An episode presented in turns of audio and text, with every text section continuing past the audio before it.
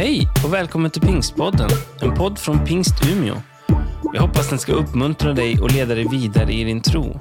För att få mer information om Pingst Umeå och allt som händer i kyrkan, gå in på umia.pingst.se eller följ oss på Instagram och Facebook, at pingstumia.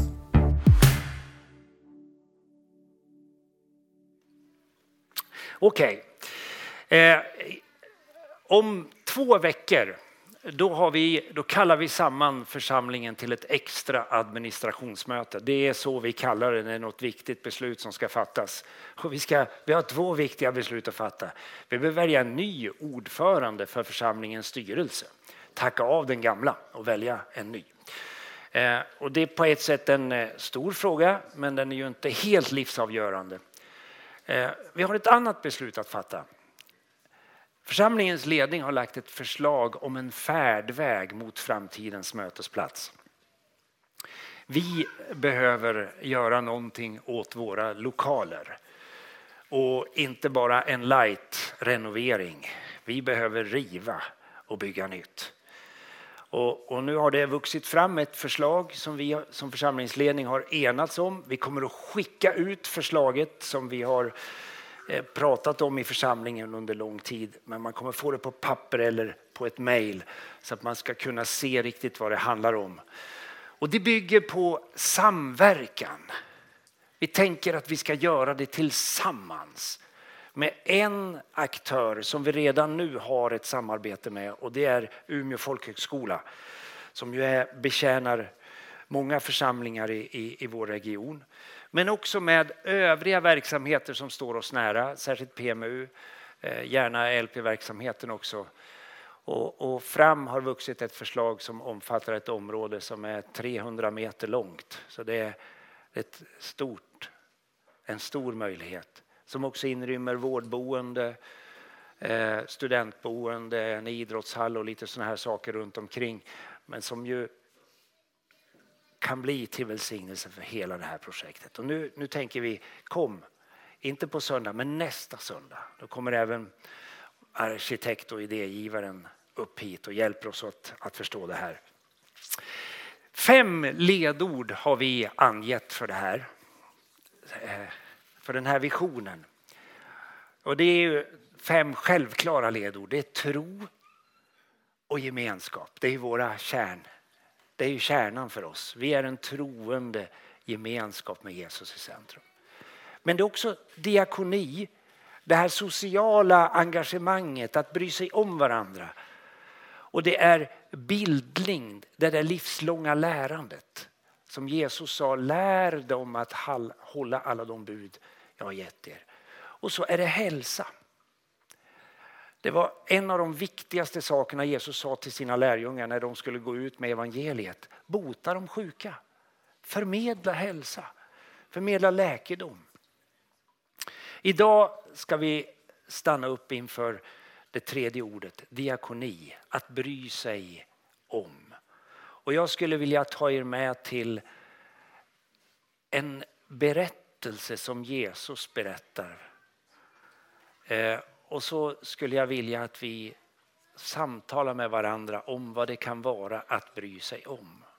Och I den här berättelsen ryms eh, åtminstone fyra stora tankegångar. Den, kom, den säger någonting om människan som är lite, ja, men lite besvärande och samtidigt utmanande. Den, den ger vägledning i hur man kan ta emot och hantera kritik.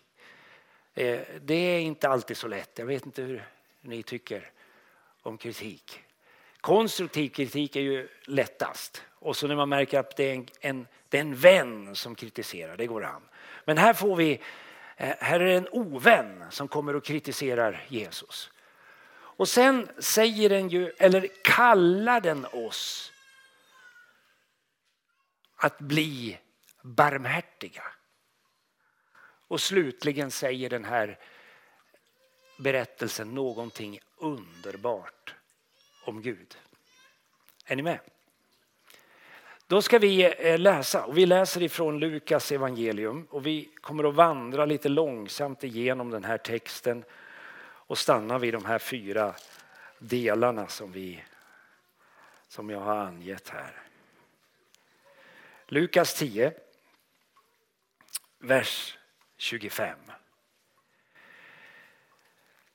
En laglärd, och nu kommer jag göra så här, jag kommer inte att läsa hela stycket rakt av utan vi kommer att stanna och så får den texten ligga kvar och så fortsätter vi läsningen. Så ni behöver inte vara oroliga om det går lite långsamt i början. Jag bara som en heads up liksom. En laglärd som ville sätta honom, sätta Jesus på prov reste sig och sa Mästare, vad ska jag göra för att vinna evigt liv? Det kommer fram en person som vill sätta Jesus på prov. Alltså det säger ju någonting om oss människor som på ett sätt är bra men också lite jobbigt att höra. Eh, det här är en person som inte bara köper Jesus-paketet rakt av.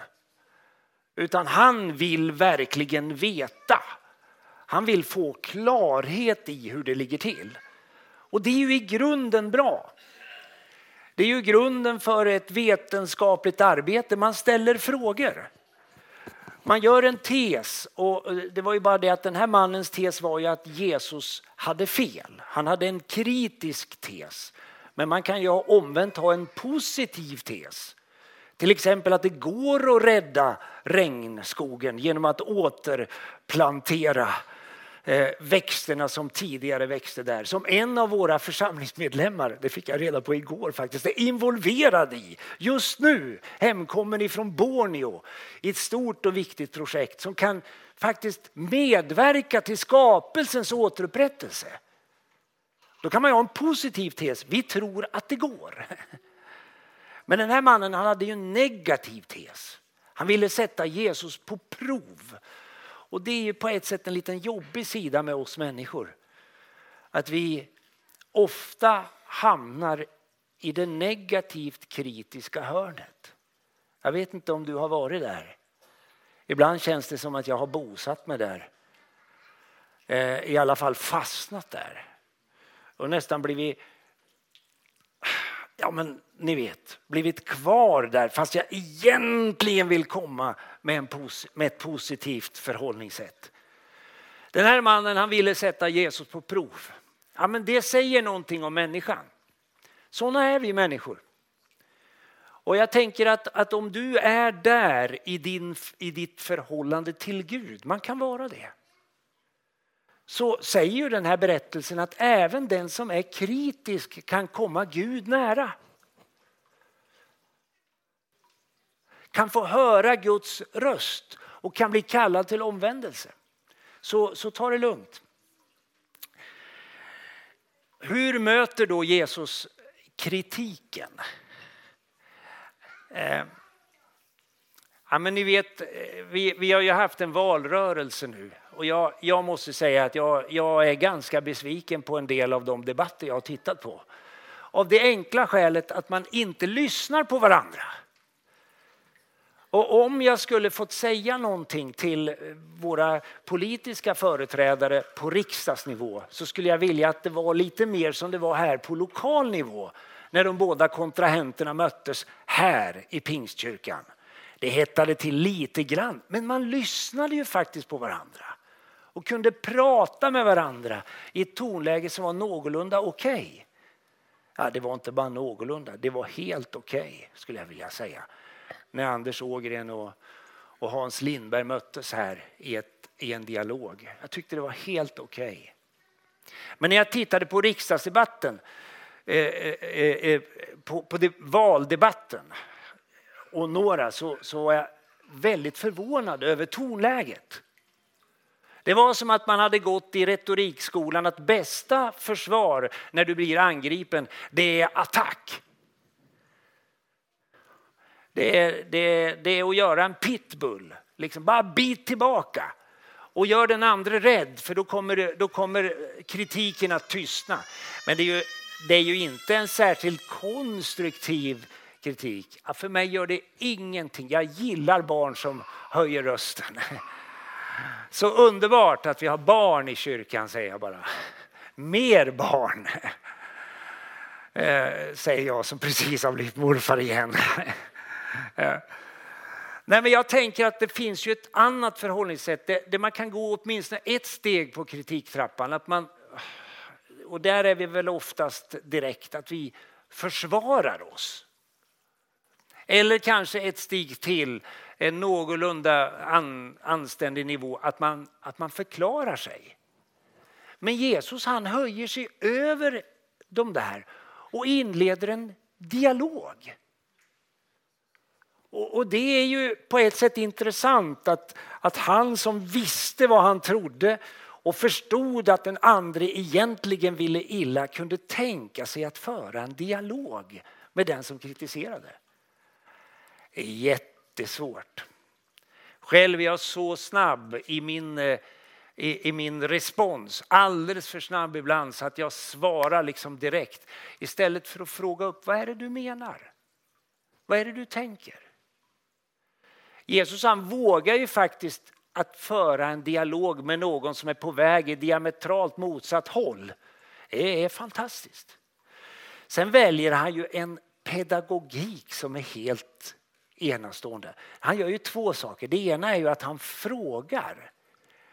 Men vad tänker du? Vilket är det viktigaste budet i lagen? frågar Jesus. Ja, vi kan läsa vidare. Eh, Jesus svarar ju med, med en, en fråga. Eh, ja, säger Jesus, vad, vad skulle du säga? Vad står det i lagen om det som är viktigast? Och då får ju mannen själv svara.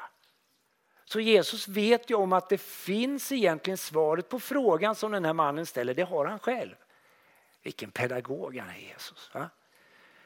Och då börjar mannen säga, ja du ska älska Herren din Gud. Han, han citerar kungsbudet ifrån, eh, ifrån eh, femte Mosebok, det sjätte kapitlet. Kungsbudet om att älska Herren din Gud av hela ditt hjärta, med hela din själ, med hela din kraft och med hela ditt förstånd. Alltså, Bibeln talar om en Gud som är intresserad av hela människan. Vi kan alltså sträcka oss emot Gud med många olika delar. Eh, vi kan göra det med vår kropp när vi låter döpa oss eller tar emot bröd och vin, när vi böjer våra knän i bön eller lyfter våra händer. Kroppens tillbedjan. Men vi kan också komma till Gud med vårt intellekt, med hela vårt förstånd. Och vi kan läsa teologi, grotta ner oss i enskilda bibeltexter och fundera på vad det betyder, väga, mäta och, och, och så fundera på hur har man tolkat det här i, i, historien. Hur läser man det här när man, när man kommer ifrån Burundi eller ifrån Kongo eller Tanzania eller, eller, eller ifrån Latinamerika eller ifrån Ryssland eller ifrån Moldavien eller från Sverige. Och så liksom arbetar man och söker Gud med hela sitt förstånd. Och sen frågar Gud också efter våra hjärtan, efter vår kraft, efter vår vilja. Och det där visste den laglärde. Och sen la han till ett bud som Jesus själv senare kommer att säga på dessa båda bud. Att älska Gud av hela sitt hjärta och älska sin nästa som sig själv vilar hela lagen och profeterna. Du ska älska din nästa som dig själv. Mannen svarar själv på sin fråga. Och vad gör Jesus då? Ja, klassiskt, han bekräftar. Du har rätt. Men ni kan tänka er, här kommer det en kritiker och tänker nu ska jag nagla fast Jesus. Och så får han en fråga och så svarar han faktiskt väldigt bra på frågan. Och så blir han bekräftad. Tala om att bli avväpnad egentligen. Ja? Tänker nu ska jag få dit honom.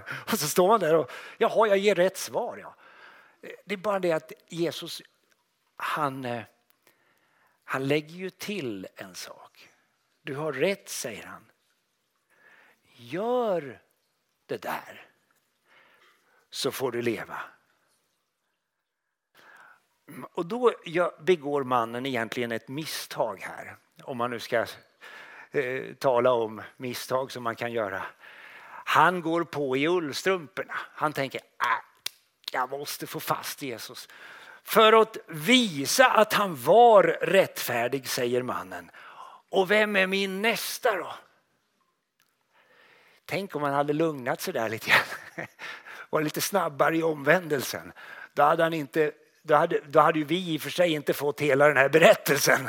Men, men ja, det kanske vi hade fått någon annan hade ställt frågan. Men, men han hade ju haft chansen där att slippa bli, eh, vad ska jag kalla det för, avslöjad på det sätt som han senare kommer att bli. Då berättar Jesus den här berättelsen. Och jag vet inte hur Jesus tänkte här. Jag, jag, eh, om jag nu försöker smyga in i Jesu tankeliv så, så tycker jag mig höra ett resonemang hos Jesus. Men det står ju inte i texten. Nu är det eh, pastorns eh, reflektioner. ja, men jag liksom tänker här att Jesus, ja, men han verkar inte fatta. Vad ska jag, hur ska jag nå fram? Ska jag skälla ut? Nej, det är ingen idé. Eh, ska jag... Nej. Jo, jag berättar en berättelse. En man. En man var på väg från Jerusalem till Jeriko. Jerusalem 700 meter över havet. Mellanösterns pärla ligger fantastiskt. En man är på väg därifrån ner till Jordan som ligger 300-400 meter under havet. Det är en resa nerför berget. På vägen från Jerusalem till Jeriko så blir han överfallen av rövare. De sliter av honom kläderna. Alltså de klär av honom. Och så misshandlar de honom. Alltså de slår honom inte bara utan de, han, han blir naken. Eller åtminstone underkläderna. Och sen försvinner de och låter honom ligga där halvdöd. Alltså när Jesus beskriver situationen så är det ju inte svårt att förstå att, att Jesus vill beskriva en person som har drabbats av olyckan utifrån. Av, av ondskan utifrån. Det är inte mannens eget fel att han blöder. Det är inte på grund av eh, egna överträdelser och synder. Han har ingen skuld i det som har skett. Eh, ibland är det så för oss i livet att vi, det händer saker eh, som vi kan känna skuld för. Eh, och det, det är särskilt vanligt i, i övergreppssituationer in, av, av närstående att man börjar problematisera som offer att det var nog för att jag gav intrycket av att jag var med på det där eller ville det där eller det är mitt fel att min man slår mig. Alltså det är problem som vi står inför i vårt eget samhälle och detta händer och ibland så lägger vi på oss en skuld som inte är vår. Den här mannen han blev slagen av andra. Så Jesus tar liksom inte, det här är inte en fråga om skuldförsoning. Utan det här är en fråga om någon som har blivit drabbad.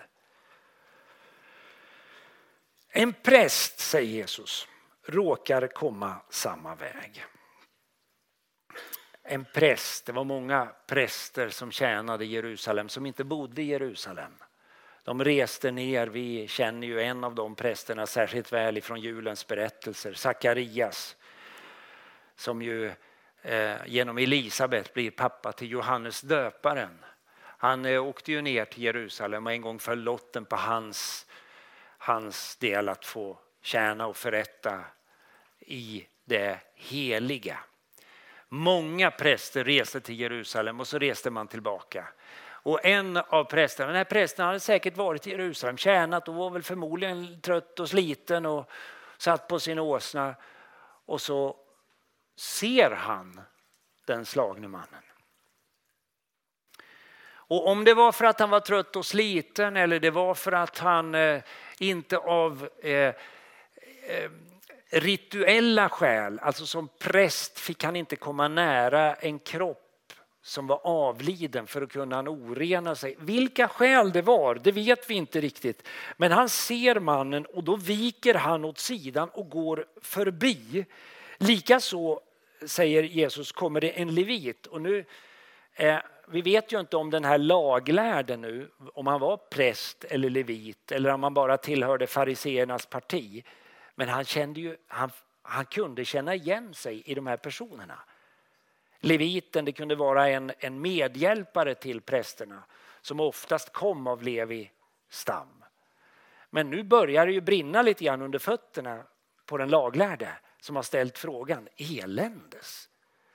De som borde ha engagerat sig här och som möjligen eh, skulle kunna knyta an till det som är mitt liv. De gör ingenting. För kolla här, leviten som kommer till platsen, när han såg honom så viker också han åt sidan och går förbi. Ja, men, ja. Det finns, eh, det finns en, en, etisk, en etisk kod att om man, är, om man är läkare eller sjuksköterska så ja, men man går ju till jobbet och sen går man hem, man checkar ut. Men, man, men är det en akut situation då jobbar man inte som läkare utan då är man läkare. Eh, jag brukar säga att jag, jo, jag jobbar som pastor men jag, det är egentligen inte primärt ett jobb. Det är en tjänst. Det är ett uppdrag som jag aldrig går ut eller in i. Jag är där jämt.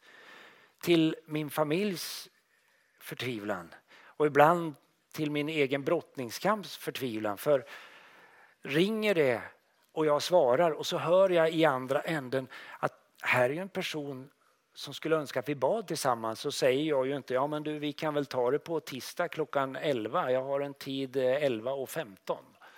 Då skulle jag kunna be för dig. Utan jag säger du jag hör att du skulle vilja att vi bad tillsammans. Är det, okay? är det det du säger? Ja. Och så ofta händer ju det att vi istället för att ta med bönämnet hit liksom och vänta till på söndag ber i situationen för att vi vill se förändringen. Jesus fortsätter berättelsen och så talar han en tredje person. Och då eh, tar han ju, då, eh, eh, exemplet är ju lite roligt för att han har ju, han har precis besökt en samarisk by om man tittar i kapitlet innan. Och när han kommer dit så vill de inte ha med honom att göra där. Och då blir inte Petrus, eh, Peder, eh, Pedro, utan eh, bröderna Jakob och Johannes, de blir så upprörda så de bestämmer sig för att vi drar ner eld ifrån himlen och förgör staden. Men då, Jesus får ju lugna ner dem. Liksom. Det här kan ni inte göra. Men när Jesus ska ta ett exempel på några som gör bra grejer, då går han dit och tar ett exempel från de som egentligen hade avvisat honom. Du kan ju fundera på vem skulle det vara i ditt sammanhang? Ja, det skulle väl kanske vara då en, eh, en eh, ja, nej, nu känner jag, nu, nu har jag inte tänkt igenom det här så nu är risken att jag förstör om jag skulle ta exemplet. Men jag, vi kan, det kan vi ta till kyrkkaffet sen. Jag stannar där. Men vem skulle du ta som ett exempel på, alltså tänk på någon som tror och tänker precis i diametralt motsatsförhållande till dig och så gör du den personen till ett, ett föredöme i en berättelse som du ska berätta. Det är vad Jesus gör. En samarier eller en samarit. Det har ju gett oss eh, hemsamarit, det har ju gett oss de här orden.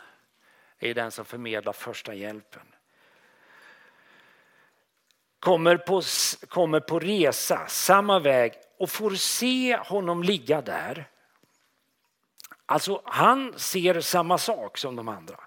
Men det, han låter intrycket tränga hela vägen in i hjärtat. Han fylls inte bara med sympati utan han börjar lida med den som lider. Och det gör någonting med honom. Han går fram till honom. Han måste alltså uppenbarligen ha stigit av sin åsna och så tar han det han har med sig på åsnan. Han har olja och vin. Vinet som renar, oljan som läker och häller det i såren. Alltså han måste kommit så nära att han kommer i direkt beröring med, det, med de skador som den här slagne mannen har. Och så förbinder han honom. Alltså det är en så vacker skildring. Och när han har gjort det så lyfter han upp honom på den åsna som han förmodligen själv hade, hade suttit på och för honom till ett värdshus stannar kvar ett tag och sköter om honom och nästa dag så tar han fram två denarer, alltså han tar fram pengar och är beredd att betala för att den här mannen ska få den vård som han behöver. Jesus drar ju verkligen på här. Va? Han vill verkligen lyfta eh, eh, samari, samaritens eh, betydelse. Och så säger han till världen, sköt om honom. Det där är ju en ganska bra grej. Eh, det vittnar om en slags medvetenhet om att jag kan inte göra allt själv. Vi måste samarbeta. Jag kan göra en del, första hjälpen. Jag kan skjutsa upp dig till akuten men där finns det någon som kan ta vid. Och, och så lämnar man akuten och kommer till intensiven och sen kommer man till eh, ortopeden kanske. Nej, jag vet inte, vad, vad händer? Jag, jag kan inte linjen vidare. Och till slut kommer man ut på andra sidan och kan bli en samarit själv, tänker jag. Han ger det åt världen och så säger han sköt om honom och kostar det mer än det jag har nu så ska jag betala på återvägen. Alltså, han drar väl iväg och gör lite affärer och tänker jag kan nog få ihop två dinarer till. Alltså, det är ju därför vi kopplar samman bön, offer och, och, och tjänst. Det hänger ihop. När Jesus är klar med den här berättelsen så är han ju fortfarande så pedagogisk. Så frågar han, okej, okay, nu har du hört det här. Vem skulle du säga är den över, överfallne mannens nästa?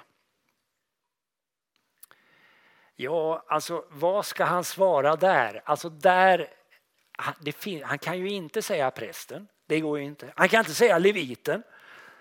Och han kan inte liksom börja någon slags diskussion om att ja, mm, mm, jag skulle väl kanske säga samariten men jag kan inte göra det därför att det, de tillhör ju ett fiendefolk. Och, utan han är ju tvungen att säga, och, och då säger han ju inte samarit utan han säger den som visade honom barmhärtighet. Och, och jag, jag, kan ju liksom se dem som hör den här diskussionen, de som står runt omkring. Att det går som ett sus genom folkhopen. Nu insåg han att det är inte så stor idé att försöka besegra vishetens och kärlekens herre på hans hemmaplan. Men när vishetens och kärlekens herre ska segra så vill han göra det genom att låta den som kommer nära upptäcka själv att här behöver jag vända om. Jesus säger gå du och gör som han. Den här berättelsen den eh, säger inte bara någonting om människan, inte någonting bara om att ta kritik. Den kallar oss till barmhärtighet. Den kallar oss att bry oss om, inte bara varandra och vår egen familj. Den kallar oss att sträcka oss lite längre, eh, till och med till änkan, främlingen och, och, och den faderlösa, den som, är, den som i bibliska termer är utsatt. Den som inte har vad den själv behöver. Därmed inte sagt att, att om man är änka i Sverige att man är utsatt utan det är mer ett bibliskt språkbruk om, om social och ekonomisk och andlig utsatthet. Men, och där ska vi sluta. Den här berättelsen den säger också något om Gud. För vem är det egentligen som sitter på åsneryggen. Vem är det som rider in i Jerusalem på en åsna? Och vem är det som bildligt talat stiger av åsnan därför att han har sett människans nöd och utsatthet? Vem är det som tar fram det röda vinet, symbolen för det röda blodet som kan rena alla våra sår och, och, och liksom betala priset för vår frihet? Vem är det som tar fram oljan som ju i Bibeln är eh, symbolen för anden. Det som ger kraften att inte bara läkas inifrån utan förvandlas och kunna leva ett nytt liv. Det som ger oss möjligheterna för framtiden. Ja men det är ju den Gud Jesus berättar om. Då infinner sig ju till sist eh, frågan och nu hälsar jag lovsångsteamet välkommen fram. Vem är du i den här berättelsen?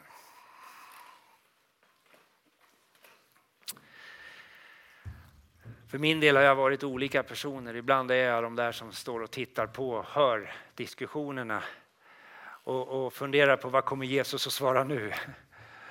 Eh, där är jag ibland. Jag, eh, ja, men jag har varit prästen och, och leviten och jag är där ibland. Som ser, men på något vis så räcker liksom inte kraften till jag klarar inte av att ta in hela världens lidande. Det är egentligen bara en enda människa som klarar det. En enda. Jag drabbas ibland av någon slags omnipotens. Ni vet det här när man, man, man, man vill göra mer än man klarar av. Och så ser jag min egen begränsning och då kan jag ibland tycka att jag blir lite som prästen och leviten. Men jag vill ju vara samariten. Jag vill ju vara den som bryr sig. Trösten för mig i den här berättelsen det är att den Gud Jesus berättar om, han stiger av åsnan. Han ser mina sår, han ser när jag är slagen. Han ser dig när du är drabbad av livets omständigheter och han bryr sig.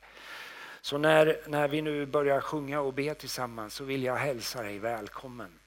Alldeles oavsett vem du är i den här berättelsen. Att söka Gud, att ge din respons. Vi har en förbönsplats längst ner i kyrkan där man eh, kan få be tillsammans med någon, få förbön.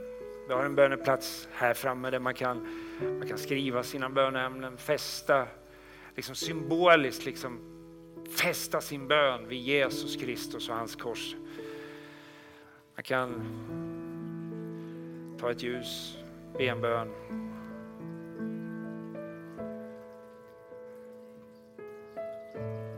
Gud vill möta dig. Vi ska resa oss upp nu och så ska jag be en bön och så fortsätter vi och ber och sjunger tillsammans. Och så är du välkommen i Jesu namn. Gud, jag vill tacka dig för att du känner våra liv, känner våra hjärtan. Du vet precis var vi är någonstans på vår vandring tillsammans med dig. Jag vet att ibland kommer vi till dig kritiska och vill liksom nagla fast dig med våra frågor. Bara för att upptäcka hur du ja, men möter oss och liksom tar ner oss på jorden och kallar oss till omvändelse. Ja, men var vi än är i, i mötet med de här stora bibeltexterna så, så vill vi öppna våra hjärtan för dig. Och nu vill jag be, jag vill särskilt be för den som har drabbats. Den som har blivit slagen. Och den som känner igen sig i den där som ligger vid vägkanten och billigt talat har blivit övergiven. Tack för den barmhärtige samariten Jesus Kristus. Tack att du kommer till oss. Du renar våra sår, du häller olja in i vår själ som lyfter oss upp och förvandlar våra liv. Kom och berör just nu, jag ber. Jag ber i Jesu namn.